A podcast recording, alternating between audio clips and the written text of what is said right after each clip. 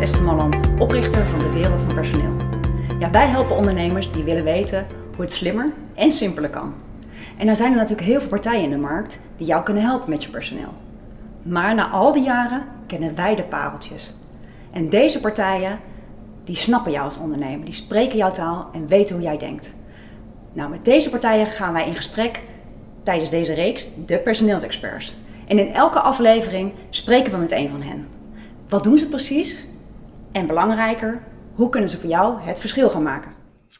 Ja, vandaag praat ik met uh, Mark Itzinga. Welkom Mark. Dankjewel. Ja, nou, om jou even te introduceren, jij bent uh, directeur PNP Arbo hè, en de eigenaar van Mits.nl. Zo heb ik jou ook ooit gevonden. En daarmee ben jij dus ook verzuimexpert van beroep.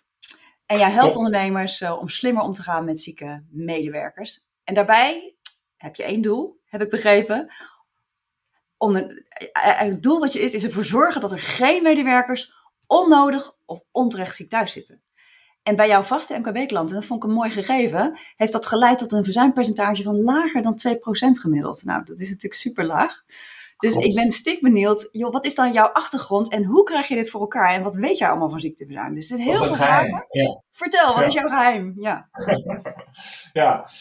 Um, nou, ik, ik, ik kan even starten met even iets over mezelf te vertellen misschien. Is dat uh, handig? Zeker, interessant. Ja, ja ik, heb, uh, ik heb een bedrijfskundige achtergrond. En dat is uh, wel belangrijk, want dat is ook de manier waarop ik denk dat we het beste naar verzuim kunnen kijken. Bedrijfskundige achtergrond. Um, hele poos alweer uh, geleden na mijn studie verhuisd van Groningen naar Amsterdam. En mijn eerste serieuze baan was bij een, um, bij een grote arbodienst. Een grote traditionele arbodienst. En um, ik zou daar een paar weken werken via Tempo Team. Maar dat werden uiteindelijk drie jaren. En uh, heb ik in een commerciële functie gewerkt. dus ik zat elke dag bij klanten aan tafel. Maar wat schetste mijn verbazing? Is serieuze baan. Dus ik positief naar die klanten toe. Uh, maar die klanten waren allemaal super ontevreden over mijn werkgever. En um, veel, veel gesprekken gevoerd. En um, ja, uiteindelijk. Hallo. Mijn Siri uh, luistert ook mee. Um, Nee, dus veel gesprekken gevoerd en die, uh, die uh, klanten uh, waren dus ontevreden. Maar ik dacht van ja, volgens mij is die vraag vanuit de klant niet zo heel gek. Ehm, en hoe ik het later voor mezelf helder heb gemaakt, is dat ik zie van hé, hey, er is eigenlijk een mismatch tussen de vraag vanuit het MKB. Ik had MKB in mijn portefeuille en het aanbod vanuit die traditionele arbeidsdienst. Dat sloot gewoon niet goed op elkaar aan. En toen ben ik in 2004 al, dus inmiddels 17 jaar geleden, ben ik voor mezelf gestart. Um, eigen bedrijf gestart in verzuimbegeleiding. Um, ja, en ik had heel goed in beeld, omdat ik drie jaar bij klanten aan tafel had gezeten, wat die klantvraag was. Nou, daarop ingespeeld. Samen met een arboarts, uh, verzuimbegeleidingsbedrijf gestart. In die tijd wou ik steeds meer gaan verdiepen in de materie. Waarom zit die ene medewerker nou met die klachten een half jaar thuis, terwijl een andere medewerker met exact hetzelfde ziektebeeld na, een, uh, na één dag weer in ieder geval voor een deel aan het werk is. Nou, dat boeide mij wel. Dus ik ben toen cursussen gaan doen, uh, zelf ook studie gaan doen. Uh, register case manager geworden in die periode. Zelf ook onderzoek gedaan. En toen eigenlijk een bepaalde ja, visie ontwikkeld ten aanzien van verzuim. Waarvan ik denk van, hé, hey, dit is volgens mij waar de ondernemer, uh, want ik heb een voorliefde voor MKB, de ondernemer op zit te wachten zit niet op die aanpak van die traditionele arbeidsdienst wacht, maar volgens mij hierop. Uh, nou, en dat, uh, ja, dat, tot, tot, tot op heden doe ik dat nog steeds. Uh, met in 2016 ben ik mijn huidige businesspartner tegen het lijf gelopen, Roy Hulst. En met hem heb ik een arbodienst speciaal gericht op het MKB, opgericht, PNP Arbo. Ja. Hartstikke goed. En jij zei eigenlijk, is het begonnen met die bedrijfskundige blik. Hè? Dat, dat delen wij met elkaar, want dat vind ik ook, vinden wij bij, bij de Wereld van Personeel ook heel interessant. Om ook toch ook altijd vanuit die bedrijfskundige kant naar dingen te kijken. En jij bent eigenlijk zo door de jaren heen, ben jij, uh, ben jij steeds scherper geworden. Dat vind ik ook wel heel leuk, want ik heb op mits.nl ooit jouw blogs gevonden. En ik vond het altijd zo puntig en zo duidelijk. Weet je, het was eigenlijk zo simpel ook, zoals je dingen uitlegde. Ja. En heel veel mensen vinden natuurlijk verzuim niet zo simpel, een ziekteverzuim niet. Wat versta jij daaronder als je de definitie van ziekteverzuim? Wat is dan ziekteverzuim in jouw ogen?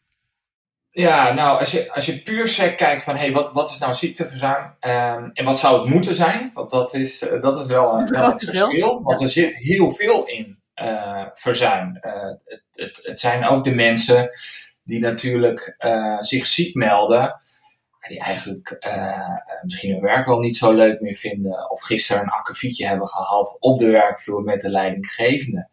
Iemand heeft heel veel stress vanuit een privé-situatie. Nou ja, het zijn allemaal zaken die opgelost moeten worden. Maar um, is het ziekte met een diagnose uh, waar een behandeling uh, tot een oplossing gaat leiden? Ja, daar kun je dan je vraagtekens bij zetten. Per definitie, als het gaat over ziekteverzuim, is het de loonwaarde, zo noem ik het altijd maar, die niet gehaald wordt omdat men ziek is. Dus men is vanwege ziekte niet in staat om de arbeidsovereenkomst na te komen. En dat is wat mij betreft de zakelijke insteek. We hebben normaal gesproken gewoon een arbeidsovereenkomst. Dat is een zakelijke overeenkomst. Dat is de basis van nou ja, de arbeidswetgeving, maar zeker ook de verhouding die jij als ondernemer hebt met jouw personeel. En die arbeidsprestatie die wordt gewoon niet nagekomen bij ziekteverzuim. Dus die werknemer die zegt ik meld mij ziek. Met andere woorden, ik wil wel het salaris gewoon blijven ontvangen, maar ik kom niet meer werken. Kijk, en dan ontstaat er een disbalans. Ja, en dat is, dat is wanneer ziekteverzuim gaat spelen. Nou, en soms is daar, 9 van de 10 keer, is daar een hele goede reden voor. Werknemer die echt even vanwege ziekte niet kan werken. Maar even terugkomend op hè, wat, wat, wat, uh, wat, wat, we zeiden van wat is nou, waar gaan we het vandaag over hebben?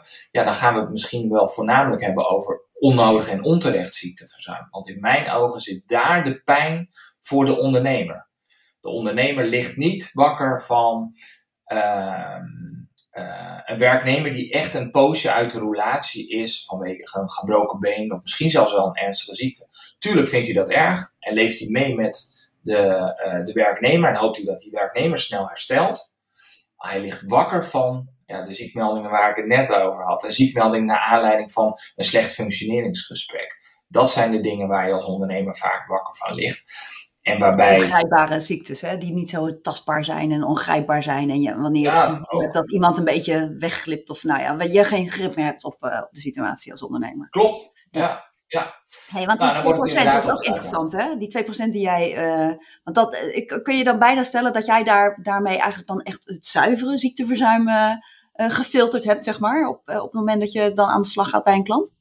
Ja, ja, dat is, dat is, uh, dat is eigenlijk, en soms heeft het even tijd nodig hè, om daar te komen. Ja. Maar dit is wel de kern van de, van de aanpak uh, die ik voorsta. Dat is dat we zeggen van gaan zo snel mogelijk het echte gesprek aan met de medewerker. Dus het is zaak dat uh, je eigenlijk juist op zoek gaan naar van hey, wat is dan de ziekte? En wordt die werknemer dan adequaat behandeld? Um, uh, dus je kunt bij wijze van spreken, um, uh, ja, zeg maar, iemand die is burn-out, hè? om maar even, hè, jij zegt van ongrijpbaar, nou dat is vaak een heel ongrijpbare ziekmelding. En waar komt een burn-out nou door? Is dat omdat de werknemer zoveel werk op zijn bordje heeft? Of komt dat omdat hij thuis in scheiding ligt? Of is het een combinatie van die twee die de emmer heeft doen, doen overlopen? Ja, dat is lastig. En we proberen dan heel erg in te zoomen van oké, oké, wat is dan precies de ziekte? En is er dan een behandeling? En op het moment dat een werknemer goed behandeld wordt, ja, dan kunnen we ook um, um, ja, verwachten dat de belastbaarheid van de medewerker toeneemt. Dat een werknemer weer beter wordt en dan kan hij ook weer meer gaan doen. Ja, het is wel leuk, want in deze reeks zit ook Barbara Kok van de Burnout Poly. En met haar heb ik het ook over, uh, over burn-out en hoe je daar mee om kan gaan, hoe je daar als werkgever mee om kan gaan en wat voor een behandeling dan mogelijk is. Dus dat is inderdaad, ja. uh, maar het is, het is, dat zijn natuurlijk ook langere trajecten vaak die, die moeilijk te, ja, te, te, te grijpen zijn ja. maar als werkgever. En die eigenlijk een beetje, ja, je bent uh, eigenlijk echt overgeleverd aan het proces. En dat is vaak ook wat natuurlijk wat frustratie oplevert. Maar goed, als, ja, als, als, als als we kijken naar wat jij zou willen overdragen, je zegt het eigenlijk al, maar wat vind jij het allerbelangrijkst dat iemand die hier naar kijkt of dit beluistert, meeneemt uit dit interview? Wat wil jij overdragen? Nou, het belangrijkste denk ik dat je als ondernemer niet aan de goden overgeleverd bent. Dus ook de ongrijpbare ziekmeldingen, daar kun je wel degelijk als ondernemer gewoon grip op krijgen en uiteindelijk ook oplossen. Alleen ja, dan moet je wel uh, doorpakken en dat is natuurlijk het nadeel van MKB. Je bouwt niet jarenlange ervaring op. Dus je bent afhankelijk van externe adviseurs die jou goed adviseren. Ja. Dus ehm, het belangrijkste is, ja, je kan wel degelijk grip krijgen op je ziekteverzuim. Het is niet zo in Nederland. Tuurlijk, de zieke werknemer wordt goed beschermd. Maar het is niet zo dat een werknemer alles voor het zeggen heeft op het moment dat hij zich even ziek meldt. Nee, jij blijft eindverantwoordelijk voor dat reïntegratieproces. En je kan ook echt wel toewerken naar een oplossing. Uh, alleen soms, hè, 9 van de 10 keer niet, maar die tiende keer is dat best een complex proces. En zorg dan dat je een goede adviseur hebt. Dat is eigenlijk de boodschap. En, en wat jij ook zegt hè, van een ziekmelding, hoe kijk jij daar tegenaan? Want uh, waar ik het regelmatig ook met ondernemers over heb, is dat er komt een ziekmelding en die accepteren ze altijd per definitie als ziekmelding. Terwijl ik denk, nou, dat hoeft natuurlijk niet altijd. Nee, Nee, nou ja, het klassieke voorbeeld is eigenlijk het voorbeeld wat ik net noemde. Um, een werknemer um, uh, heeft een functioneringsgesprek. Nou, dat, uh, dat, loopt niet, dat loopt niet al te soepel. En uh, vervolgens gaat hij met slaande deuren het pand uit. En een dag later krijg je dan een ziekmelding binnen. Um, die wordt heel vaak geaccepteerd hè, door werkgevers, die ziekmelding. Ja, maar dat vind ik op zich kijk, je kunt natuurlijk zeggen dan op een gegeven moment van, weet je wat, we accepteren de ziekmelding niet, we schakelen gelijk de bedrijfsarts in. Dat is een mogelijkheid. Um, wat je kan doen, kijk, wat een werknemer zegt met uh, de ziekmelding is, ik kan op dit moment vanwege ziekte even niet werken. Wat levert, en dat is altijd de vraag uh, die je zelf even moet stellen, wat levert het weigeren van een ziekmelding op? Wat je ook kan doen, is zeggen van oké, weet je wat, ik ga die werknemer, ik ga die ziekmelding ga ik wel accepteren. Maar parallel daaraan gelijk de juiste, adequate uh, vervolgacties opzetten. Dus ik vind het op zich niet zo erg om die ziekmelding te accepteren. Maar op het moment dat een werknemer zegt: hey, ik ben ziek, kan vanwege ziekte niet werken dan gaat hij, heeft hij rechten natuurlijk, hè? ontslagbescherming, loon op uh, recht op loondoorbetaling tijdens ziekte, maar hij heeft ook een hele belangrijke plicht. En juist met het accepteren van die ziekmelding, dan gaan we in die zin het spel van de ziekmelding in. Ja, er zit ook een hele duidelijke kant aan dat die werknemer er alles aan moet doen om te komen tot reïntegratie. En daar moet je met die werknemer dan zo snel mogelijk naartoe. Sterker nog, op dag 1 wat mij betreft. Oké, nou dat is grappig, want ik heb altijd gedacht van, joh, ik eh, accepteer hem niet en laat het demedicaliseren hè, door een uh, bedrijfsarts. Ja. Jij zegt nu eigenlijk van, nou ja, weet je, uiteindelijk heb je ook rechten natuurlijk als werkgever, omdat die werknemer verplicht is dan om mee te gaan werken aan reïntegratie. Dus soms kan het juist een hele goede keuze zijn. Of eigenlijk zeg ik, hoor ik jou zeggen, ik, hoor ik jou, nou laat ik, het, laat ik je de vraag stellen, hoor ik jou zeggen, wel altijd accepteren en dan gelijk uh, doorpakken naar een bedrijfsarts. En, en eventueel laten demedicaliseren met een mooi woord. Hè? Dat betekent dat je dus eigenlijk uh, uh, dat nou, is... iemand laat constateren dat, dat het geen echte ziekte is. Hè? Dat het dus niet medisch is, zeg maar. Ehm, hoor ik je dat zeggen van, goh, dat, accepteer wel die melding? Ik, ik zie daar niet zoveel kwaad in. Ehm, nou, daar leer ik dan weer van, Mark. Want dat is altijd mijn, uh, mijn standpunt. Ja. Uh, bespreek het dan wel met de medewerker. Van, joh, ik, ik accepteer hem niet. Omdat het natuurlijk wel ja, net na zo'n gesprek is. Dus laten we even ja. via de bedrijfsarts. Maar dan zet je het natuurlijk wel direct iets meer op scherp. Dus... Uh, ja, nou ja, en dan zou ik dus niet gelijk naar de bedrijfsarts. Ik heb toevallig net, uh, voor dit interview, had ik net nog contact met een klant van mij. En die had, nou dat was dan niet naar aanleiding van een van een, uh, van een functioneringsgesprek. Maar wel duidelijk een ziekmelding waarbij er enorm veel twijfel is vanuit de werkgever. Is dit daadwerkelijk ziekte? Um, maar dan is het, um, ga gelijk in gesprek met die medewerker. Want we gaan het gelijk hebben over de mogelijkheden.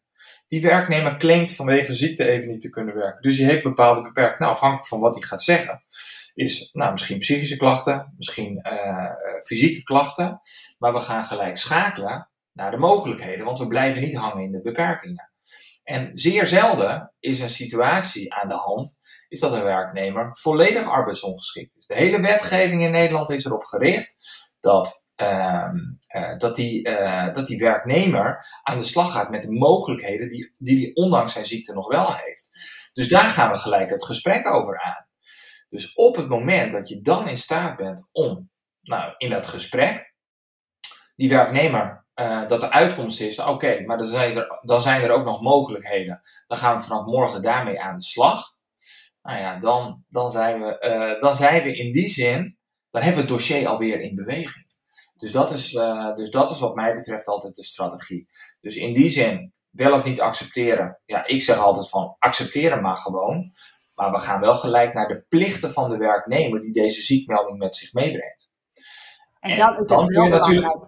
dat je een externe partij erbij hebt natuurlijk. Want dat is wel, uh, kan ik me voorstellen dat een ondernemer uh, of, of iemand binnen het bedrijf van de, van de ondernemer natuurlijk uh, met stoom uit zijn oren natuurlijk ook uit zo'n gesprek komt. Want dat is ook wel vaak wat er gebeurt. Hè? Dat het natuurlijk van twee kanten... Er zit heel veel emotie bij, kan ik wel zeggen, vaak bij de ondernemer. Dus, dus de emotie zit zeker niet alleen bij de werknemer. Nee. nee, en dan is het toch goed ook, denk ik wel, om, een, om er een derde bij te hebben. Uh, die, die wel, uh, nou ja, die, die, die neutraliteit probeert uh, weer te raken en dat, en dat verder dan vormgeeft, zeg maar, met dat traject dan verder vormgeeft. Ja, met, met ja dat is in die zin ook een hele makkelijke positie die ik of wij dan hè, als case manager en, hebben, zo noem ik dat dan maar even.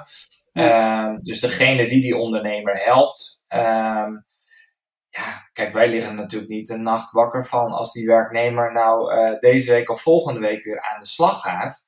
Um, maar we willen wel even dit traject zorgvuldig kunnen oppakken. En we willen dus voorkomen dat een werknemer onnodig thuis zit. Dus we spreken heel makkelijk zonder emotie die werknemer aan. Op zijn rechten, maar ook op zijn plichten. Nou, en dan kunnen we de boel weer in beweging krijgen.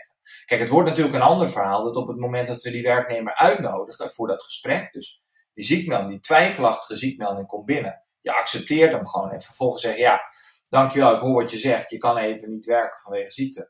Maar dan gaan we wel even een verzuimgesprek hebben over wat, er, wat er nu moet gebeuren om te komen tot reintegratie. Daar zal die werknemer aan mee moeten werken. De voorwaarden voor het blijven ontvangen van uh, uh, loon tijdens, uh, tijdens de ziekte.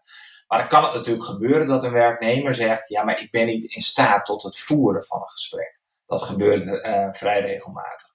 Dan ontkom je er niet aan om die, om die bedrijfsarts even in te schakelen. En dat doen we dan snel. Dus dan wil ik eigenlijk binnen 48 uur dat die werknemer altijd bij de bedrijfsarts terecht kan. En jij hebt bedrijfsartsen die uh, binnen 48 uur, uh, 48 uur kunnen ontvangen. Dat kunnen jullie bieden, ja. want dat is echt wel een uitdaging in, uh, in Arbo-land Nederland, zeg maar. Ja, maar juist voor deze, voor deze ziekmeldingen willen we die snelheid erin. We werken heel veel met online spreekuren. Nou, dat zijn Roy en ik vier jaar geleden al mee gestart met PNP Arbo. Maar dat was toen nog heel exotisch dat de klanten zeiden: ja, Mark, wat ja. heb ik nu weer bedacht? Ja, uh, alleen dat was juist om die snelheid te kunnen maken. Ja, ja vooruitziende, blik, vooruitziende blik hadden jullie uh, waarschijnlijk.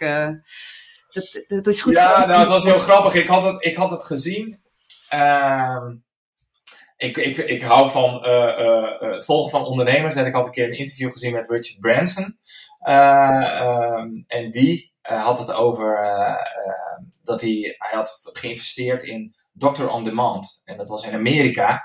Ehm, in ja, zeg maar spreekuren digitaal. Maar dan gaat het niet om bedrijven, dan gaat het om huisartsen. Dus dan gaat het soms ook om leven en dood. En in Amerika met een enorme claimcultuur. En toch Richard Branson die dan zegt van, hé, hey, daar geloof wow. ik in. Ja, risicovol eigenlijk. Ja. Als, als een huisarts in Amerika uh, dergelijke consulten durft te doen, zeg maar op afstand en beeldbellen, ja. dan denk ik dat een spreekuurtje met een bedrijfsarts in Nederland ook wel moet kunnen. Geweldig. En toen zijn we dat gestart. Ja. Oh, geweldig, wat goed. Oké, okay, maar dat is dus, nou dat is ook een hele mooie, want dat is natuurlijk ook vaak wat je als ondernemer, kijk, je kunt dit zo'n zo'n strategie volgen, hè? dat je zegt, joh, we gaan snel uh, met elkaar aan de tafel of we moeten snel bij een bedrijfsarts, maar dan moet je ook wel een partij hebben die dat kan bieden en dus ook een bedrijfsarts die toegankelijk is en ook snel toegankelijk is.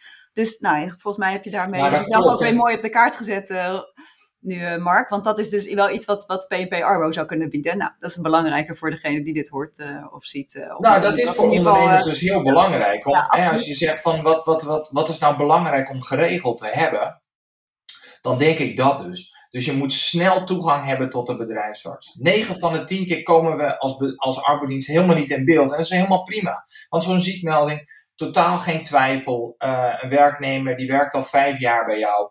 Uh, uh, die is uh, nooit ziek, of misschien één keer per jaar is die, is die een keer verkouden en het lukt een keer niet. Nou prima. Ehm, en dan in één keer, na zoveel jaar heb je in één keer die ziekmelding te pakken waarvan je denkt van hé, hey, maar dit klopt volgens mij niet. En dan wil je snelheid kunnen maken. Een zieke werknemer heeft TNO vaak genoeg berekend, kost gemiddeld 250 euro per dag. Dus dan wil je niet dat je arbodienst tegen je zegt bij die lastige ziekmelding van ja, over vier weken ben je aan de beurt. Want dan gaat die arbodienst voor jou uh, eh, 4000 euro kosten maken. Ja, volgens mij is de arbodienst in die zin, hè, weer even die zakelijke benadering, uh, ervoor om de verzuimkosten uh, niet onnodig hoog te laten oplopen. Dus dat is het idee erachter. Ja. Leuk. Nou goed, goed om ook weer dit uh, weer, weer scherp te krijgen. Hey, ik heb gewoon wat, ook wat vragen waar je als ondernemer nou... Want als ik nou als ondernemer denk, ja, interessant. Wanneer moet ik nou met mijn ziekteverzuim aan de slag? Je kunt natuurlijk zeggen, ja, dat moet je doen op het moment dat je echt een specifieke ziekmelding hebt.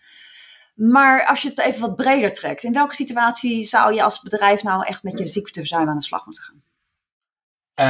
Um, ja, dan hebben we het over bedrijven tot ongeveer 50 werknemers, toch? Klopt inderdaad. Ja, dat is wel mooi, want daar richten we ons op. Uh, en dat uh, uiteindelijk is onze, onze klantbase is ook voor gro iets grotere bedrijven. Maar dat is wel de, dat zijn, zijn, vind ik altijd de ondernemers die zo weinig uh, dit soort informatie tot hun beschikking hebben. Hè. Heel veel van dit soort informatie wordt altijd gericht op de grotere bedrijven. Maar ja. juist het hele praktische van oké, okay, ik ben niet ondernemer van een bedrijf met acht man of, of 22 man. Ziekteverzuim, arbodiensten. En, wanneer, wanneer moet ik daar nou echt mee aan de slag gaan? Nou, ik, ik, ik denk dat je.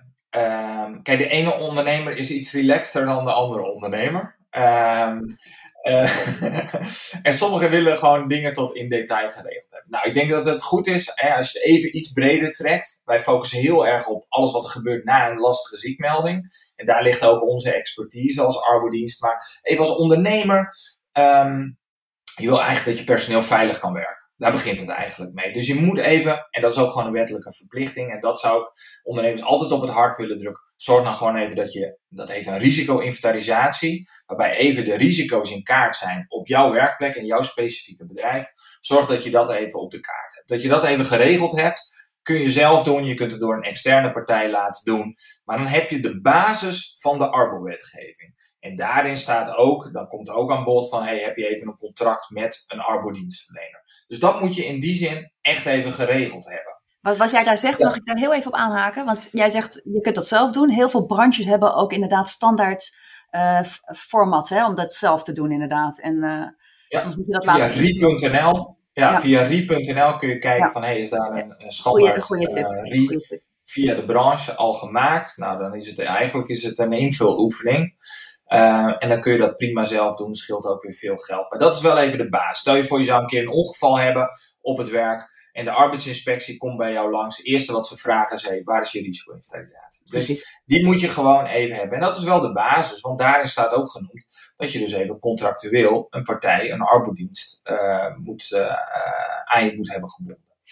Um, nou, en dan heb je de uh, wat meer relaxte ondernemer. Die denkt, nou ja, ik, vind al, uh, ik heb de basis op orde en uh, ik, ik, ik zie wel wat schipstrand. En een ander die wil wat meer geregeld hebben. 9 van de 10 bedrijven die klant bij ons worden, die worden klant bij hun eerste serieuze ziekmelding. Dus die zijn soms al 5, 10, 15 jaar bezig. Lekker aan het ondernemen, nooit over een arbodienst nagedacht. En dan in één keer komt die ziekmelding waarvan ze oké, en dan zitten ze met de handen in het haar en dan gaan ze bellen vind ik allemaal geen probleem. Dan denk ik van oké, dan kunnen we gelijk uh, gaan schakelen. Maar als je nou actief iets wil, dan denk ik dat je in die zin um, eigenlijk je ervan wil vergewissen dat op het moment dat het misgaat, dus dan wil je niet wachten tot die ziekmelding, dan wil je eigenlijk een beetje gevoel krijgen bij jouw arbodienstverlener, denk ik. Want op het moment dat jij het gevoel hebt, hé, hey, met deze partij ga ik de oorlog wel winnen? Ga ik ook die lastige ziekmelding wel snel tot een goed einde uh, brengen? Uh, ja, dan slaap je denk ik rustig als ondernemer. Ja, wat ik zeggen, dan dat geeft ook gewoon rust natuurlijk. Dan weet je ook, uh, kijk, het is lekker om in controle te blijven. Je bent niet altijd in controle, maar dan heb je dat in ieder geval goed geregeld. Ja. dan weet je dat je het kan doorschakelen op het moment dat er, dat er zich een situatie voordoet op dit vlak. Dus je kan in die zin, je kunt wachten op die ziekmelding, maar je kunt ook van tevoren zeggen, nou ja, ik weet eigenlijk niet of ik dit wel goed geregeld heb. Ja, neem gewoon een keer contact op met je arbodienst. En ga gewoon eens een keer vragen stellen van, joh, stel je voor, ik heb nou een lastige ziekmelding. En wanneer, uh, uh, hoe lang duurt het dan voordat ik bij die bedrijfsarts terecht kan? Nou, als die, als die partij dan zegt, nou ja, we hebben momenteel wachttijden van vier, vier tot zes weken. Ja, uh, dat, dat is niet goed. Dat, dat, dat, is een rode vlag. Dat is een rode vlag. Dus uh, hoe, hoe, snel is een bedrijfsarts beschikbaar? Ja. Ja. ja. En, en ik denk een hele belangrijke vraag is, wie gaat mij helpen? ben jij degene die je dan spreekt? Hè? Want in mijn beleving, als je het hebben over, hè, we willen zo'n onnodige ziekte, we willen niet dat die werknemer onnodig of onterecht juist ziek thuis zit ja, dan heb je als ondernemer daar een belangrijke rol in. Dit zijn wat mij betreft de drie sleutelfiguren. Dat is de kern van de aanpak. Hè? Want je vroeg helemaal in het begin van ons interview van, hé, wat is het geheim? Nou, ik denk dat je dan een perfecte samenwerking nodig hebt tussen drie sleutelfiguren. Dat is A, de leidinggevende. Nou, bij MKB vaak de ondernemer, direct leidinggevende. Het is de bedrijfsarts. Feitelijk de enige die een uitspraak kan doen, of tenminste, we kunnen er allemaal wel een uitspraak over doen, maar de uitspraak die ertoe doet is van de bedrijfsarts. Jij kan vanwege ziekte niet werken en jij kan van, ondanks jouw ziekte wel werken. Nou, dat is de bedrijfsarts die dat kan zeggen. En de derde, en die is zo belangrijk voor het MKB, de case manager. En dat is in feite, de case manager is degene die vanaf de ziekmelding tot aan de herstelmelding alle juiste stappen weet te zetten om zo snel mogelijk bij die oplossing te komen. En dan ook nog goed die wetgeving in de gaten houden. De wetgeving. Ja, die wetgeving op de achtergrond. Maar het is veel meer gezond verstand en de juiste dingen weten te doen. Een goede, goede gesprek, dat verzuimgesprek weten te voeren. En die case manager, daar moet je als MKB'er ook een goed gevoel bij hebben. Want op het moment dat jij eens, dus als ondernemer contact opneemt met die arbeidsdienst, denkt van oké, ik kan in ieder geval wel snel bij de bedrijfsarts terecht. Um, maar niet echt een case manager die even naast jou staat als ondernemer. Die zegt van, uh, uh, nou ja, uh, kijk ondernemer, we staan nu hier, we hebben de optie om links af te gaan, dit zijn de voor- en nadelen en dit, en als we rechts afslaan, dan moet je hier en hier om denken. Wat mij betreft gaan we rechtsaf, want dan zijn we sneller daar en daar. Nou, dat is eigenlijk de manier waarop je met een case manager wil sparren. En als jij een case manager bij je arbeidsdienst hebt, die puur en alleen poortwachtertijdlijnen aan het volgen is, zoals ik dat dan altijd maar noem. Dus puur even kijkt naar wetgeving. Oeps, piep, ik moet er even contact opnemen, ja. ja, dat, dat van hey, we, we, de zes weken zijn weer voorbij, besturen we iemand naar de bedrijfsarts. Ja. ja. dat is wel een hele magere invulling van de case management uh, functie. Nee, een, een, echt goede case manager, en die heb je als MKB'er ook nodig is die naast jou staat als ondernemer en zegt van hé, hey, we staan nu hier, we willen daar naartoe en dit is wat mij betreft de stappen die we gaan zetten. Dat is wat je wil. Hey, maar het mooie is, want we hebben eigenlijk nu al zo gaandeweg een aantal dingen genoemd. Hè? Als, als onder, je zegt uh, rust in je hoofd krijg je op het moment dat je een goed iemand uh, naast je hebt. Nou, je hebt al even voorgerekend wat het kost als mensen een dag ziek zijn. Dus uh, het loont ook echt dus om met ziekteverzuim aan de slag te gaan. Want elke, elke dag korter ziek levert eigenlijk 250, of scheelt je in ieder geval 250 euro aan kosten gemiddeld genomen.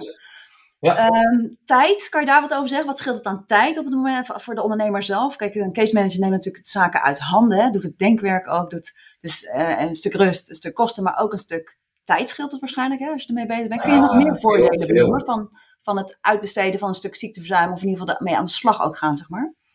Nou, ik denk, ik denk eigenlijk dat je hier de drie belangrijkste te pakken hebt hoor. Um, en frustratie, uh, hè? Geld. Een hoop frustratie. ja, ja, precies. Ja. ja, tijd. En daar zit natuurlijk ook inderdaad energie en frustratie en het, uh, ja. het, het, uh, het, wakker liggen. Um, je wil dit niet op jouw eigen bordje hebben als ondernemer. Dat je het idee hebt. Ik heb vaak, hè, dus die, die, die bedrijven die dan klant worden, die dit dan niet zo goed geregeld hebben of denken uh, zo moet ik het eigenlijk zeggen. Oh, ik heb een verzuimverzekering. Want dat zijn de meeste bedrijven tot 50 eh, man personeel. Die hebben een verzuimverzekering. En krijgen dan automatisch daar een arbodienst. Soms ook nog, wordt dan gezegd, gratis bij. Ja, het is ehm, echt wel, ach, je zou, weet je, volgens mij zouden wij echt een dag kunnen vullen met dit onderwerp. Want er zijn zoveel uh, dingen waar ik af en toe aan denk. Want dit is ook echt een issue, hè? Vertel. Hoe, hoe kijk jij daar tegenaan? Ja. Nou ja, maar ja, dat is heel erg vanuit mijzelf geredeneerd natuurlijk. Maar ik zou, het het liefst om, ik zou het het liefst om willen draaien. Ik zou ondernemers willen adviseren. Joh, als jij nou zorgt dat je een partij hebt. Uh, dat op het moment dat jij een lastige ziekmelding hebt, waarmee je kan lezen en schrijven, en dus invloed kan hebben op dat verzuim, ja, dan heb je je risico's al dusdanig beperkt. En dan hou je wat restrisico, noem ik het maar even, hou je over. Uh, ja, en daar wil je een goede verzuimverzekering voor hebben. Maar als je dat omkeert, ja, dan is het eigenlijk. En het ik, snap het helemaal, hè? Want het grootste, uh, je bent met een ondernemer en je staat op een borrel. En dan zeggen ze, ja, het grootste probleem is, uh, is als je personeel een keer ziek wordt. Oh ja, dat, nou, probleem, risico, verzekeren denken we automatisch. En dan sluiten we die verzuimverzekeringen, zegt die verzuimverzekeraar, of die tussenpersoon, jouw adviseur, die zegt: Oké, okay, en krijg je ook nog even een arbeidsdienst erbij. Dat is een verplichting. Nee, je wil het eigenlijk omdraaien. Je wil eerst grip en het restrisico verzekeren. Ik ben het zo met je eens, want dit is wel wat heel vaak gebeurt. En, en wat mijn ervaring is, maar dat is echt, uh, dat is wel een beetje een vooroordeel, is dat, dat vaak ook wat grotere arbeidsdiensten zijn die daarbij, uh, die dan aangesloten zijn bij verzekeraars. En dat zijn ook niet vaak, de, vaak niet de meest persoonlijke contacten die er dan zijn hè, tussen een bedrijf en zo'n arbodienst. En ook, nou ja, het, goed, het gaat wat meer op de grote hoop. Ik ben er niet zo'n voorstander van. Ik denk als je echt een ondernemer bent die uh, staat waar die voor wil staan, die lekker eh, met zijn business bezig is, die lekker stap aan het maken is. En dat zijn ook vaak de klanten waar, waar wij mee werken. Het zijn vaak groeiondernemers in bedrijven die, die gewoon nou, lekker bezig zijn. Ja, weet je, dan wil je toch niet bij iets groots en iets los aansluiten, dan wil je eigenlijk inderdaad, wat jij zegt, gewoon zelf meer in controle zijn. En kijken hoe je zo snel mogelijk lekker je team weer, uh, weer volop ja. uh, bezig hebt. Uh, dus ik ben het wel met je eens. Leuk, ja. Ik herken dat inderdaad absoluut. Nou ja, als ondernemer is het natuurlijk een hele. hele het is allemaal vallen en opstaan en, en door schade en schande. worden we wijs en, en we gaan vaak op ons bek en dan stappen we weer op en dan ja. denk van hé, hey, oké, okay, dat gaan we weer anders doen ja, ik ben in het begin van mijn ondernemerscarrière, dus uh, zeg uh, 17, 15, ja, 17 jaar geleden. Uh, ja, heb ik ooit eens de fout gemaakt om met een heel groot accountantskantoor in zee te gaan. Ja, en dan merk je ja, van dit, dit, dit werkt niet. Nou, toen las ik een keer ergens iets en zei van ja, eigenlijk moet je altijd zorgen dat je partners hebt van ongeveer vergelijkbare grootte. Dat werkt gewoon hartstikke goed. En ik denk dat dat dat is een van de dingen die ik nooit uh, uh, ben vergeten, omdat dat gewoon het, het leven als ondernemer een stuk makkelijker maakt. Ja, nee, je moet natuurlijk niet bij een, als MKB of als eenpitter bij een PwC gaan zitten voor je, voor je, voor je boekhouding. Uh, maar dat een hele grote multinational dat juist wel doet, ja, dat sluit bij elkaar aan. Die spreken dezelfde taal, dat werkt goed. Maar ook met ja. En gelukkig is er met de liberalisering van de arbomarkt 2005, is er wat dat betreft enorm aanbod gekomen. We zijn niet meer afhankelijk van die drie, vier traditionele arbodienstverleners. Er zijn er heel veel geworden. Ja. Daardoor ook wat onoverzichtelijker. Zoek gewoon een partij van ongeveer vergelijkbare grootte, waar je gewoon even goed mee kan schakelen. Ja. Nou, laten we die gelijk eens even doorpakken. Want ik heb nog een aantal andere vragen. Maar laten we deze, want dit is ook een vraag inderdaad. Van als, als iemand nou met een arbodienst uh, op zoek gaat naar een arbodienst. Wat voor vragen uh, of wat, daar waar moet hij op letten? Wat, je zegt even, kijk naar vergelijkbare grootte. Je zegt ook al van, goh, uh, weet je wel, spreken ze je taal, hè? Dat, of snappen, snappen ze waar, of zeg ik dat nu? Leg ik jou nou woorden in de mond die jij niet hebt gezegd? Klopt helemaal. maar wat zijn andere dingen waarvan je zegt, nou, let daarop op het moment dat je met... Nou, oh, je zei... Nou, we hadden eigenlijk net twee... Over de bedrijfsarts? Ja, we hadden eigenlijk net die twee. Ik denk, ik denk dat je eigenlijk die, die, die, die twee die ik net noemde... Um, ik denk dat dat twee hele belangrijke zijn. Je hebt, je hebt die bedrijfsarts die zo'n belangrijke rol heeft uh, op het moment dat je te maken krijgt met een lastige ziekmelding. Want ja, je kunt nog een fantastische case manager hebben, dus iemand die jou fantastisch adviseert. Maar die bedrijfsarts, die moet snel toegankelijk zijn. Die moet zijn vak ook goed verstaan, natuurlijk. Want op het moment ja, ik, ik ben dan zelf ook nog case manager. Um, uh, dus, dus ik zit ook gewoon nog met mijn uh, poten in de modder, om het zo maar te zeggen. Um, uh, ja, ik kan van alles bedenken. Maar op het moment dat een bedrijfsarts met een terugkoppeling komt naar aanleiding van een spreekuur. En die bedrijfsarts zegt, ja, werknemers op dit moment volledig arbeidsongeschikt, kan even weinig uh, qua reintegratie plaatsvinden. Ja, dan kan ik ook niet heel veel doen natuurlijk. Waar ik dan veel meer aan heb, is dat een bedrijfsarts bijvoorbeeld zegt: Nou ja, op dit moment zijn de mogelijkheden zeer gering. Alleen ik denk ook dat er iets speelt in de arbeidsrelatie. En daar zal even een goed gesprek op korte termijn uh, moeten plaatsvinden. En ik acht de werknemer hier medisch gezien toe in staat. Kijk, dan kunnen we aan de slag. Dus een goede bedrijfsarts die snel toegankelijk is, is, is onmisbaar. Dus dat zul je moeten hebben. Dus als jij op zoek gaat naar een arbodienst en je denkt, nou, ik heb het volgens mij niet zo goed geregeld, dan is dat iets wat je wil zien. Ehm, en tweede is dus die case manager. Want in de aanpak zoals ik hem zie, zijn het dus die drie sleutelfiguren. Leidinggevend, nou, dat ben je zelf. Uh, en je hebt een goede case manager en een goede bedrijfsarts nodig. En als je dat geregeld hebt, nou, die bedrijfsarts en die case manager, die zul je van die arbodienst moeten hebben. Uh, want jij zelf kan geen goede case manager zijn. Daar ben je als ondernemer, heb je te weinig expertise voor, je, hebt te weinig, je bouwt te weinig ervaring op en je hebt wel wat anders aan je hoofd. Precies. Dus op het moment dat je zelf die case management rol op je gaat nemen, wat je dan ziet is, um, kijk, ik zeg eigenlijk als ondernemer, jouw grootste verzuimprobleem is opgelost op het moment dat je vervanging hebt geregeld. Want dan draait jouw toko door. En die ziekmelding gaat heel snel op de achtergrond spelen. Oh ja, ik moest ook nog even een plan van aanpak opstellen. Moest het nou deze week of volgende week? Ja, en dan raakt het in de vergetelheid. Dus daar heb je gewoon iemand nodig, dedicated case manager, die zegt: hey, dit is mijn dossier, ligt op mijn bordje. Ondernemer, ga jij weer lekker ondernemen? Ik pak dit voor je op. Ja, Als je die twee zaken goed geregeld hebt bij de arbodienst, dan kun jij rustig slapen. Nou, want in jouw voorbeeld wat je nu noemt, want dat is ook wel wat gebeurt, is dat zo'n zieke medewerker daar dan ook ergens achteraan gaat bungelen. Hè?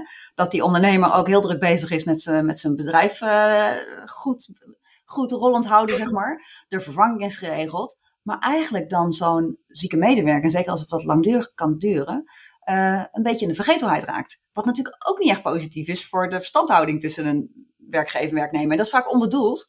Maar dat gebeurt ook wel. En zo'n case manager zou dan inderdaad ook die medewerker er meer betrokken en die ondernemer ook scherp erin blij, kunnen blijven uh, Absoluut. Dat, dat, die, dat die connectie er moet blijven bestaan en dat je die mensen ook af en toe naar kantoor moet halen. Of naar, nou ja, goed. Dus dat is eigenlijk een beetje de olie tussen de, de case manager. Is ja, nou, het is grappig dat je dat zegt. Ik had, ik had uh, denk twee weken geleden, uh, waren dan, het was bij een klant van ons. Ehm, en die, die werknemers waren op het spreekuur geweest en ik kreeg even terug vanuit dat spreekuur van uh, Mark, let op. Uh, deze werknemer is nu, nou, die was een aantal maanden dus uit de roulatie. En nou, er waren natuurlijk wel acties vanuit de arbeidsdienst geweest. Maar eigenlijk was het contact met die leidinggevende compleet stilgevallen na de ziekmelding. Dus kort na de ziekmelding even wat contact. En vervolgens. Dus dan wordt er heel veel gal gespuwd in die spreekkamer. Ja, een leidinggevende heeft geen interesse. Dit ja, dan moet je zien wat dat doet met de motivatie van zo'n medewerker om terug te keren. En ik denk, ja, als het mijn leidinggevende niks interesseert, waar ga ik me dan druk over maken? Ja, dan moeten we wel heel hard weer aan het werk om dat te herstellen. Ja, dus uh, nee, ook, ook aandacht. Hè, ja, het is in die zin een open deur. Uh, ja, superbelangrijk. Ja. Hey, en wat moet een ondernemer nou gesteld hebben staan, zeg maar, voordat hij echt, uh, echt met een arbeidsdienst in zee gaat of met, met ziekteverzuim aan de slag? Wat, wat moet er uh, bekend zijn, geregeld zijn, voordat een ondernemer die stap kan zetten naar een, ofwel een, gewoon voor het eerst in zijn leven een arbeidsdienst of uh, de overstap naar arbeidsdienst? Wat moet er bekend zijn, zeg maar? Ehm, wat, wat contractueel zeg maar dan, dan moet gebeuren? Nou, misschien niet alleen contractueel. Uh, ja, ik kan me voorstellen dat je een kaart moet hebben wat, wat je eigen ziekteverzuim is. Of je mensen langer al in, de, in ziekte hebt zitten natuurlijk. Dat zijn belangrijke dingen natuurlijk die, uh, die wellicht ook voor een arbeidsdienst belangrijk zijn. Voor een verzekeraar sowieso, maar wellicht ook voor een arbeidsdienst. Maar zijn er nog andere dingen die je als ondernemer geregeld moet hebben... voordat je überhaupt met een arbeidsdienst in zee kan gaan? Of dat je, voordat je een bedrijfsarts een versneld iemand kan laten zien? Kan je, nee. Ik ben, aan het luisteren naar jou en dan denk ik, god, nou interessant. Ik ga, ik ga jullie bellen. Uh, wat zou ik dan al geregeld moeten hebben of bedacht moeten hebben? Of is er helemaal niks wat je als ondernemer... Is de drempel zo laag, zeg maar? Om nou, kijk, als je... Nee, nou ja, wat een, wat een verzuimverzekering. Want vaak is het aan elkaar gekoppeld. Uh, dus. dus op het moment dat je gaat zeggen van... hé, hey, ik wil als ondernemer uh, grote kansen ondernemer die hier naar zit te kijken, die heeft zowel een arbodienst als een uh, verzuimverzekering. Dus als die zegt van, nou ja, ik ben eigenlijk niet zo blij met hoe ik dat geregeld heb met mijn arbodienst. Die zal ook even moeten checken van, hey, hoe heb ik het dan geregeld met mijn verzuimverzekering? Als je gaat switchen dan van, uh, van arbodienst, en of verzuimverzekering. Ja, dan wil een verzuimverzekeraar, een nieuwe verzuimverzekeraar, zou bijvoorbeeld wel eens de, de percentages op kunnen vragen van het ziekteverzuim van de afgelopen drie jaar. Um, ik heb daar zelf wel mijn idee over. Dat ik denk van, nou ja, wat zegt dat nou? Want je kunt gewoon een keer een jaar pech hebben natuurlijk. Ja, dat kan als jij vijf man personeel hebt. Ik ken ze hoor, de bedrijven. Eentje een keer, eentje keer een jaar ziek hebt gehad. En uh, een van die vijf. En soms ja, twee, hè? 20% ziekteverzuim. Maar wat zegt dat? Twee. Ja, ja. ja. Um, dus ik zou daar vooral niet, hè, als MKB-ondernemer, niet te veel waarde hechten aan het, uh, aan het verzuimpercentage. Uh, maar soms kun je dat ook gewoon even goed, uh, goed uitleggen. Maar in principe, uh, juist wat ik net zei, van de goede volgorde is wat mij betreft zorgen dat je een goede arbodienstverlener hebt. Ja, dan kun je gewoon open het gesprek uh, mee aangaan. Dan hoef jij als ondernemer niet heel veel geregeld te hebben. Je gaat gewoon open het gesprek aan. En vervolgens ga je de afspraken ga je vastleggen in ja, wat, wat dan heet een basisovereenkomst, wettelijke verplichting. Ja. 2017 is dat allemaal wat aangescherpt. Dat ze zeggen van hey, een basiscontract met de arbodienst. Dat moet de volgende elementen moet dat uh, bevatten. Um, nou ja, daar staan dingen in geregeld. Eigenlijk de dingen die jij afspreekt met je, met je arbodienst. Maar je kunt daar open ingaan. En, uh, en dan heb je het contract en dan heb je het in die zin geregeld. Oké. En wat zijn nou valkuilen voor, uh, voor ondernemers als op het moment dat ze denken, nou, dit is dus fijn, hè? Ik, ben, uh, ik heb het gezetteld, ik heb een goede arbeidsdienst en ik heb, nou, de verzuimverzekering, daar, uh, die, die bespreken we steeds, maar dat is dan even voor nu wat minder relevant. Maar ik heb een goede arbeidsdienst. Zijn er dan nog valkuilen waar je aan moet denken ehm, als ondernemer? Zijn er nog dingen, misverstanden die ondernemers hebben op het moment? Misschien verwachtingen waarvan jullie merken van, god, ondernemers hebben dan bepaalde verwachtingen ja. van een arbodienst die, die niet helemaal terecht zijn? Nou, de verwachting die vaak uh, erin zit, is dat um, je als, um, als ondernemer een soort van achterover kan leunen. Um, en kan wachten tot de oplossing naar jou toe komt bij een lastige ziekmelding. Ja, dat is natuurlijk, uh, dat is natuurlijk niet het geval. Het is het samenspel van jou met de arbodienst. En nogmaals, daar, ik vind dat je daar als ondernemer, zul je die case manager, een goede case manager, moeten hebben. Maar het is wel sparren met zo'n case manager ook. Uh, ook. En, en, en uh, uh, ook informatie overdragen naar die arbodienst. Kijk, als jij een werknemer, een zieke werknemer, en jij hebt het idee, ja, er speelt heel veel. Maar volgens mij is het niet ziekte, maar er spelen heel veel zaken, privé en hier ook op het werk, die bij hebben gedragen aan die ziekmelding. Maar je stuurt iemand klakkeloos naar die bedrijfsarts. Ja, dan gaat die werknemer het misschien wel helemaal niet over die randzaken hebben. Die gaat alleen zeggen van ja, ik heb pijn hier en hier. Uh, die gaat het juist willen medicaliseren. Dat zou best kunnen. Ja, dan gaat die bedrijfsarts vanuit zijn rol als arts, gaat hij dan ook beperkingen noemen die bij dat ziektebeeld horen ja, dan zijn, worden misschien juist de belangrijke dingen waardoor die werknemer op dit moment niet werkt, ja, die worden helemaal onbesproken gelaten. Dus ik zie het altijd zo, kijk, die input vanuit die werknemer, die komt wel uh, in dat spreekuur bij die bedrijfsarts terecht.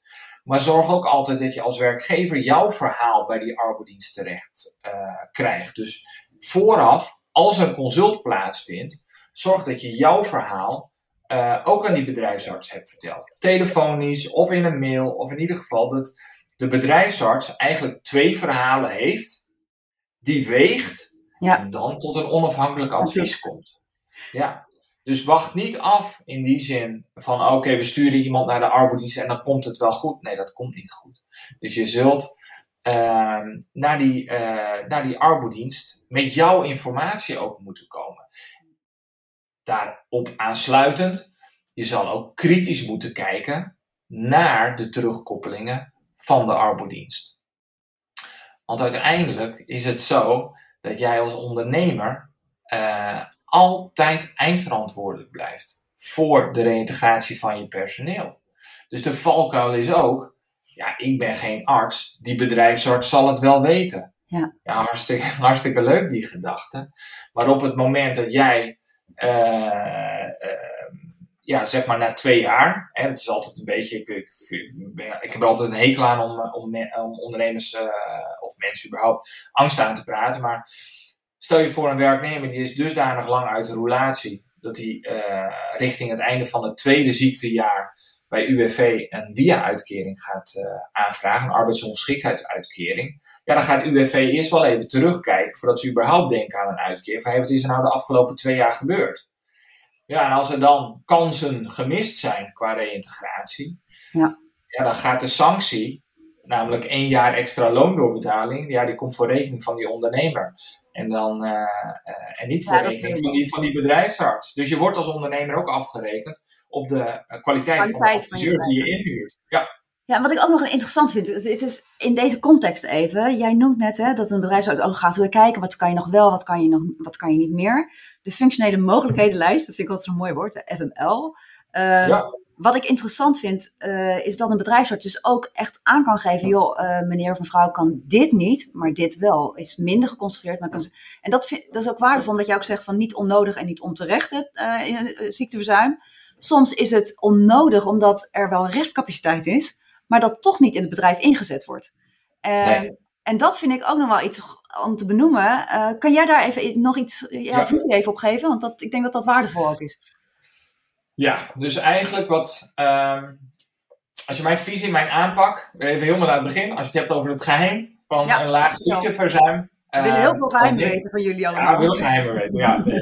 Als we het even proberen zoveel mogelijk plat te slaan, dan denk ik dat we te maken hebben met, uh, met drie elementen. Even de, de drie sleutelfiguren kom ik dan toch weer even op terug. Case manager, bedrijfsarts, hebben we het uitvoerig over gehad. De belangrijkste rol van de leidinggevende, van de ondernemer, is zorgen dat je mensen, ja, ik noem het maar even in Jip en Janneke taal, heel erg prettig naar hun werk gaan. Als hun werknemers fluitend aan het werk gaan elke dag, heb je heel weinig te maken met onnodig en onterecht ziekteverzuim. Ja. Dus dat betekent ja, uh, prettige uh, omstandigheden creëren, uh, veilige werkomstandigheden creëren. Ehm, ook de voelsprieten aan, hè? werknemer die nooit te laat komt en dan drie keer in de week te laat komt. Ehm, ja, je kunt net doen alsof je het niet ziet. En dan heb je misschien een week later een ziekmelding te pakken. En je kunt dat misschien heel simpel voorkomen door even een kop koffie te gaan drinken en zeggen, joh, gaat alles nog goed? En dat zijn van die signalen die moet je wel even oppikken. Dus dat is wat mij betreft de rol van de ondernemer zelf. En dat is de, wat mij betreft ook de ultieme preventie. Dus je kunt natuurlijk hartstikke leuk fruit op het werk uh, gaan organiseren. Uh, weet ik veel, massages op de werkvloer en, hè, voor, voor, voor nek om RSI en dergelijke te voorkomen. Nee, de ultieme preventie ligt gewoon bij goed leiderschap. Dat is, dat ja, is en wat jij zegt ook met die, met die voelsprieten, wat ik ook wel eens hoor, en ik vind dat ook verstandig. Als je nou zelf merkt als ondernemer dat je daar niet zo heel goed in bent, dat je dan even iemand vraagt, en dat gebeurt wel eens. Van, joh, als je dingen hoort waar ik even aandacht aan moet besteden, doe dat dan omdat ik er misschien te weinig ben of misschien te weinig gevoel bij heb. En dat vind ik ook altijd een hele goede dan. Want het Absoluut. geeft met name aan dat je er wel oog voor hebt en ook wil, wil weten wat er speelt onder je personeel, zeg maar. Exact, ja. ja ja, ken je, ken je uh, sterktes en zwaktes. Hè? Als jij nee, niet goed in bent. en die moet je maar helemaal goed kennen. Ja, absoluut. Ja, Nee, dat klopt. Um, hoe kwamen we hier nou op? Oh ja, het geheim. En, ja, uh, dus, we, hebben dus, dit, dus we hebben die drie sleutelfiguren. Ja. Uh, dus vanuit de arbodienst dan goede bedrijfsarts, goede case manager en preventief, met name de belangrijkste rol met, met betrekking tot verzuim, vanuit die, vanuit die leidinggevende, vanuit die ondernemer. Nou, dat moet een goede samenwerking zijn.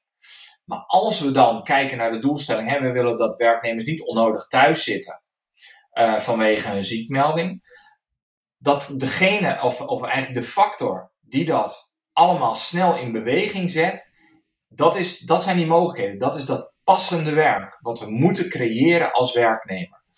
Wat, uh, wat voorkomt dat mensen onnodig thuis zitten, is dat ook al zijn de mogelijkheden heel marginaal, maar juist met die marginale mogelijkheden we die werknemer uit die thuissituatie krijgen. Dus ja, ik noem altijd maar, desnoods gaat die postzegels plakken.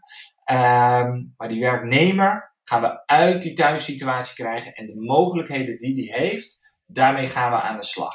Nou, dan krijg ik altijd als, van de ondernemer als eerst, ja, maar we zijn een klein bedrijf en we hebben dat echt niet. Dan zeg ik, dan ga je maar beter je best doen. Je gaat maar iets creëren. We gaan die werknemer in beweging houden. Want als een werknemer, en dat is altijd schrikbarende statistiek, als die drie maanden thuis zit, de kans dat je hem uiteindelijk volledig uh, uh, terugziet in zijn eigen werk is zo'n beetje gehalveerd. Zo. Nou, het is, dus die eerste weken, ja, die eerste maanden zijn cruciaal. Dus niet na drie maanden nog een keer denken van, oh ja, dan gaan we eens een keer iets voor hem creëren. Nee, dat doe je in die eerste week. Sterker nog, doe dat vooraf. Ga gewoon een keer brainstormen. Hey, eh, als mensen ziek eh, zijn hier bij ons, Wat dan is het dit en dit. Ja. Wat zouden wij kunnen bieden? Nou, wees daarin creatief. Wat heel leuk is, ik zit ineens te denken, maar dat is echt al een tijd geleden, ik denk een jaar of zes. Toen sprak ik met een ondernemer en die, eh, die leverde koffiemachines en ook koffie. Ehm, en eh, een van de mensen op zijn bus, die altijd die koffiemachines altijd deed, die, eh, die kreeg een knieoperatie. Hij zei, ja, dat is vervelend. Dan ben ik, hem, ben ik hem echt een paar aantal weken kwijt. Toen zei ik, nou, dat hoeft natuurlijk niet. Het, het legendarische postzegelplak inderdaad. Ik zei, haal hem naar kantoor en kijk wat hij kan doen. En zo pratende zei ik, joh, laat hem gewoon klanten bellen. Gewoon, gewoon eens vragen hoe het gaat. Hij kent ze ook, hè. hij gaat bij ze langs. En het mooie was, daar kwamen dus ook echt, daar kwam gewoon, eh, er kwam meer opbrengst uit. Want hij, ging bellen en dan kwamen er nog, er kwam meer uit. En uiteindelijk is die man één dag per week dit blijven doen. Omdat hij dat zo Ja. ook heel erg leuk vond. En dat is natuurlijk het- echt een superleuk verhaal. Maar dit was ook echt een klein bedrijf waarvan je denkt een knieoperatie, hè? ja, wat kan je dan nog doen? Kijk, tegenwoordig is het ook al wel iets meer gangbaar dat je ook met een knieoperatie misschien een autootje leent van iemand, omdat je toevallig is het je linkerknie en dan kan je nog wel in een, eh, in een automaatje rijden. Of een, eh, nou ja, ik heb dat zelf ooit gehad, dat mijn, eh, dat mijn eh, voet in het gips zat en ik met een automaat, die werd toen voor mij gehuurd zelfs, dat ik werkte bij een groter bedrijf. Dus ik kon gewoon werken en ik wilde ook heel graag werken. Ik had er niet aan moeten denken om met mijn voet thuis te moeten zitten. En dat is denk ik ook wel eens wat mensen over het hoofd zien en ondernemers over het hoofd zien. Medewerkers willen ook graag, als ze kunnen, vinden ze ook gewoon fijn om lekker te blijven werken. Want thuis zitten is natuurlijk ook niet per definitie altijd prettig. Gewoon hele dagen. Absoluut. Nee, ja, fantastisch mooi voorbeeld. En dan zie je dus dat er heel veel uit kan komen. Maar je moet even creatief zijn. En eh, soms is het inderdaad even dat je nou, even wat verder moet kijken van, eh, en is het niet voor de hand liggend. Ehm, maar weet gewoon van, oké, het slechtste wat er kan gebeuren is dat een werknemer eh, niet volledig arbeidsongeschikt is, ehm, maar wel thuis zit. Want dan, ja. voor je het weet, heeft zo'n werknemer ja, een heel nieuw levensritme ontwikkeld. Die Ja. gaat gewoon s ochtends eens even beginnen met Netflix eerst. Eh, Ja, is lekker. dan niet eens, en, soms, en soms dan niet eens met slechte intenties of zo, maar nee, ja, dan is de druk eraf en, ehm, ja, en dan weer zeg maar terugkeren. Die drempel wordt steeds, eh, steeds Ja. groter. Maar goede toevoeging dit, want dit is natuurlijk ook waar jij echt voor staat. Hè? Zoveel mogelijk toch ook mensen blijven inzetten op de dingen die ze wel kunnen. En dat is, Ja, en niet alleen voor de ondernemer, zeg ik er altijd bij. Dat is ook in het belang van die werknemer. Exact, Want de exact. sociale zekerheid wordt enorm afgebouwd. Nou, dat is Ja. nu al heel lang eh, bezig natuurlijk. Ehm, werk is de beste garantie op een goed inkomen. Eh, eh, dus je moet die medewerker erbij. Want die, die medewerker gaat soms met heel veel hoop eh, richting UWV. Maar die krijgt dan ook nul op het request. Want Hmm. je moet dus zien, hè, het aantal keer dat een werknemer eh, niet arbeidsongeschikt wordt beoordeeld. Ja, dan is het vervolgens WW. Je hebt niet al te veel arbeidsverleden. Voor het weet zit je in de bijstand. Huis verkopen. Nou, ik heb alle ellende vaak genoeg gezien. Het Ehm, behoorlijk snel ook, hè, je, wat, je, wat je krijgt. Ik bedoel, ten opzichte van een, van een gewoon vast salaris is dat echt niet, eh, niet iets om naar uit te kijken, dat klopt. Nee, nee, Nee. dus het is ook in het belang. En dat is ook wel goed om altijd even, de, even te realiseren. Als je in gesprek gaat met je medewerkers. Zeg van, hé, hey, eh, want die medewerker denkt soms ook van, ja, je doet dit alleen omdat ik nu veel geld kost. En dan is het wel goed om even ook zo'n werknemer van jou duidelijk te maken. Van, nou, ja, natuurlijk, dit kost mij veel geld. Maar weet wel, dit doe ik ook voor jou. Want mooi. dit, jou, hè, jou aan het werk helpen, helpt jou ook heel erg. Ja. Of aan het werk houden, moet ik maar zeggen. Ik Ja. vind het altijd wel heel fijn om jouw eh, heldere visie te horen. Maar stel nou hè, dat ik als ondernemer denk, nou, ik, eh, ik ga dat toch anders doen. En of überhaupt ga ik met een arbodienst in zee, want ik heb dat eigenlijk nog niet goed geregeld. Ik heb wel iets, maar ik heb, niet echt, ik heb dat niet echt heel goed geregeld. Ik heb wel een lijntje, maar wat kost, nou, wat kost dat nou eigenlijk hè, als je als ondernemer een arbodienst in, in de arm neemt? En waar moet ik dan aan denken? Dit is natuurlijk ook iets wat door startende ondernemers beluisterd wordt die met personeel aan de slag gaan. Dus vandaar dat ik deze vraag ook stel. Want het is, aan wat voor investering moet ik denken als ik dit ga regelen voor mezelf? Ja, eh, nou, dat is een goede vraag. Eh, jij kent mijn businesspartner eh, ook, Roy, Ja. Roy Hulst. Die, Ja. die is veel meer van de cijfers, moet ik zeggen. Ik iets minder. Het is gewoon wauw, hè? Jullie, je hoeft niet jullie tarief te... Jullie tarief Nee, maar om even wel een beeld te geven. Volgens mij, ik, ik, ik kijk ook niet zo heel erg naar, naar concurrentie en dergelijke. Alleen ik weet het dan wel, wel van ons. Ehm, wat je betaalt eigenlijk voor een, voor een basiscontract, ja, dan gaat het om, dan moet je denken, per werknemer zo'n 6 euro. Per maand, hè? per maand is dat, ja. Dus dan heb je het over, ja, zeg 70, 80 euro op jaarbasis. Ehm, ja, en dan kun je in ieder geval altijd, kun je altijd bellen, mailen. Ehm, dus op het moment dat je dan vragen hebt, dan uh, voel je geen drempel om contact op te nemen met je arbeidsdienst. En uh, ik denk dat dat belangrijk is om, om te regelen. Dat ja. op het moment, want er gaan zeker vragen komen op een gegeven moment, uh, hè, vroeg of laat ga je een keer met een lastige ziekmelding te maken krijgen. Ja, dan is het zaak dat je gewoon contact kan leggen zonder dat je het idee hebt van oké, okay, er komt weer een gigantische factuur.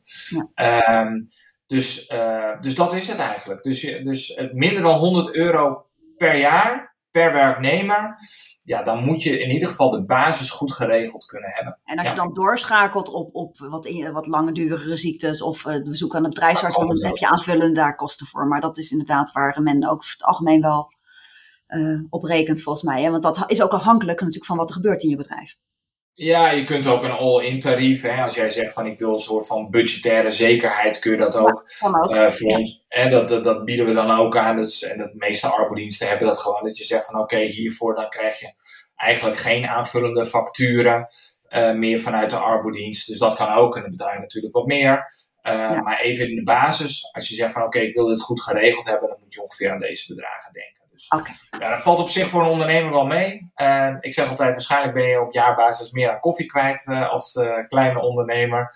Um, ja, niet dat bedrijf wat ik net, noemde, hè? Niet, want dat was, nee hoor, maar dat is wel grappig dat jij het over koffie hebt, terwijl ik het net over dat bedrijf had wat koffie, uh, koffie langs brengt. Nee, maar dat klopt inderdaad. Ik denk dat er veel meer, dat veel, en dit zijn natuurlijk investeringen die echt wel uh, een plus zijn op je, op je kosten, maar je wilt je wilt niet weten wat je bespaart op het moment dat je het echt nodig gaat hebben. En dat je met zieke medewerkers en de tijd en alles wat daarbij komt kijken. En, en dat is ook denk ik wat jij benoemt. Een goede case manager is natuurlijk goud waard. Want als je verkeerde afslagen neemt in het begeleiden van de medewerker met ziekte, kan dat, ja, levert dat... Dat is duur leergeld. Ja, dat is heel duur leergeld. Zet het ook spanning op de relatie soms. Zet het, uh, uh, nou, je, je, hebt, je hebt natuurlijk eventueel, als je, als je het echt heel verkeerd doet en iemand gaat na twee jaar eruit, dan heb je loondoorbetalingsverplichting. Je hebt natuurlijk aan alle kanten gewoon toch wel risico's die je neemt. Dus de verkeerde stappen zijn vaak ook dure stappen en ja. stappen. Dus ja. ik, ik snap heel goed dat je zegt, dan is het relatief niet zo heel duur hè, per medewerker. Om, uh, nou, dat, is, dat, dat, dat klopt. Hè? Ja. Want als je het met een goede arbeidsdienst, bij wijze van spreken, in plaats van een half jaar, die werknemer na drie maanden al terug hebt. Uh, ja, waar, waar hebben we het dan over qua kosten van de arbeidsdienst? Dat is ja. in die zin een, fractie. Hè? Uh, ik, zou daar vooral niet pennywise pound foolish in zijn. Kijk gewoon naar een arbeidsdienst waarbij jij een goed gevoel hebt. Denk van, hé, hey, hier kan ik de oorlog mee winnen. Uh, en als dat dan een tientje meer is, of, uh, dan, dan zou ik daar wat minder op letten. Ja, ik moet zeggen, dat is dus wel vanuit mij geredeneerd. Hè. Uh, sommige ondernemers zitten daar wat anders in, maar dat is wel altijd mijn advies. Zorg gewoon dat je een goede dienstverlener hebt. Want de kosten, de echte kosten van verzuim, zitten natuurlijk in het loon wat betaald moet worden. En waar geen arbeid voor terugkomt. En de fractie, of de, de, de kosten van de arbeidsdienst is maar een fractie daarvan. Dat, gaat, dat is minder dan 10%. Ja. Oké. Ik denk dat we de vragen wel hebben beantwoord. Want een van mijn vragen was ook: wat is de eerste stap die je kan zetten om aan de slag? Maar die hebben we ook beantwoord. Hè. Ga, met zo, ga kijken uh, met een arbeidsdienst. Heb je ook geklikt met de arbeidsdienst, maar ook met de case manager of met, de, met een aanpak. Nou, is de bedrijfsarts. We hebben het eigenlijk allemaal al behandeld. Dan komen wij bij de drie gouden tips. Welke drie gouden tips zou jij de ondernemer kunnen geven? En dat mag een herhaling zijn natuurlijk van wat je al genoemd hebt. Want je hebt al heel veel waardevolle dingen gedaan. Ja, ik denk dat ik op zich uh, wel de. Nou ja, als het even dan. Misschien dan ook een beetje een samenvatting. Uh, even hardop denken. Ik denk dat. Uh, A, sowieso, je moet even iets geregeld hebben. Ik denk dat. Als jij denkt van. Als ondernemer. Heb ik dit überhaupt goed geregeld? Denk ik dat een goede basis is van. Ga eens even kijken naar risico-inventarisatie. Of je die hebt. Begin daarmee. En ja. dan heb je ook automatisch de arbodienst, uh, het arbodienstcontract wat dan uh, geregeld moet zijn. Dus risico-inventarisatie, dat is één. Uh, twee, als jij op zoek gaat naar een arbodienst, zorg dan dat dat, en dan kom ik gelijk ook bij de derde, dat je een goed gevoel hebt bij je case manager. Dat dat echt iemand is die naast jou als ondernemer kan staan. En kan zeggen, hé, hey, we staan nu hier, we moeten daar naartoe. En ik ga jou daarbij helpen, zodat jij kan blijven focussen op je bedrijf. Ja. Dus die goede case manager. En zorg dat je een goede bedrijfsarts hebt waar je ook snel toegang tot hebt op het moment dat het echt nodig is. Nou, als je dat hebt geregeld, denk ik dat je een heel eind bent. Hartstikke goed. Ja, super Mark. Ik denk dat dit, uh, dit zeker weer veel meer duidelijkheid weer heeft gebracht. En we hebben het natuurlijk gehad over uh, medewerker niet onnodig uh, in de, ja, niet, onnodig zeg maar thuis laten zitten. Ik denk dat we daar behoorlijk veel over hebben gesproken. Tuurlijk hebben we het ook gehad over en, en hoe, wat vraagt dat dan van de partij hè, waarmee je zaken doet. En hoe, nou, wat voor voorwaarden zou je dan aan zo'n partij kunnen stellen? Dus ik hoop dat we daarmee de ondernemers weer heel veel meer duidelijkheid hebben gegeven over dat je er niet alleen voor hoeft te staan en dat je dus ook met de goede mensen echt goede stappen erin kan zetten en ook naar je medewerker toe. Ik ben ontzettend blij met, jou, uh, met jouw tijd vandaag, dus dank je wel daarvoor. Ik ga dan zo Heel graag gedaan. Ik ga hem afsluiten. Nou, dankjewel. En uh, ja, Mark is natuurlijk één van onze personeelsexperts. Maar ben je ook benieuwd naar de andere personeelsexperts? Abonneer je dan op dit kanaal. Dan mis je geen enkel interview in deze reeks. En wil je de informatie uit het interview uh, compact nalezen? Download dan de interview notes en je vindt ze op www.dewereldvanpersoneel.nl forward slash de personeelsexperts.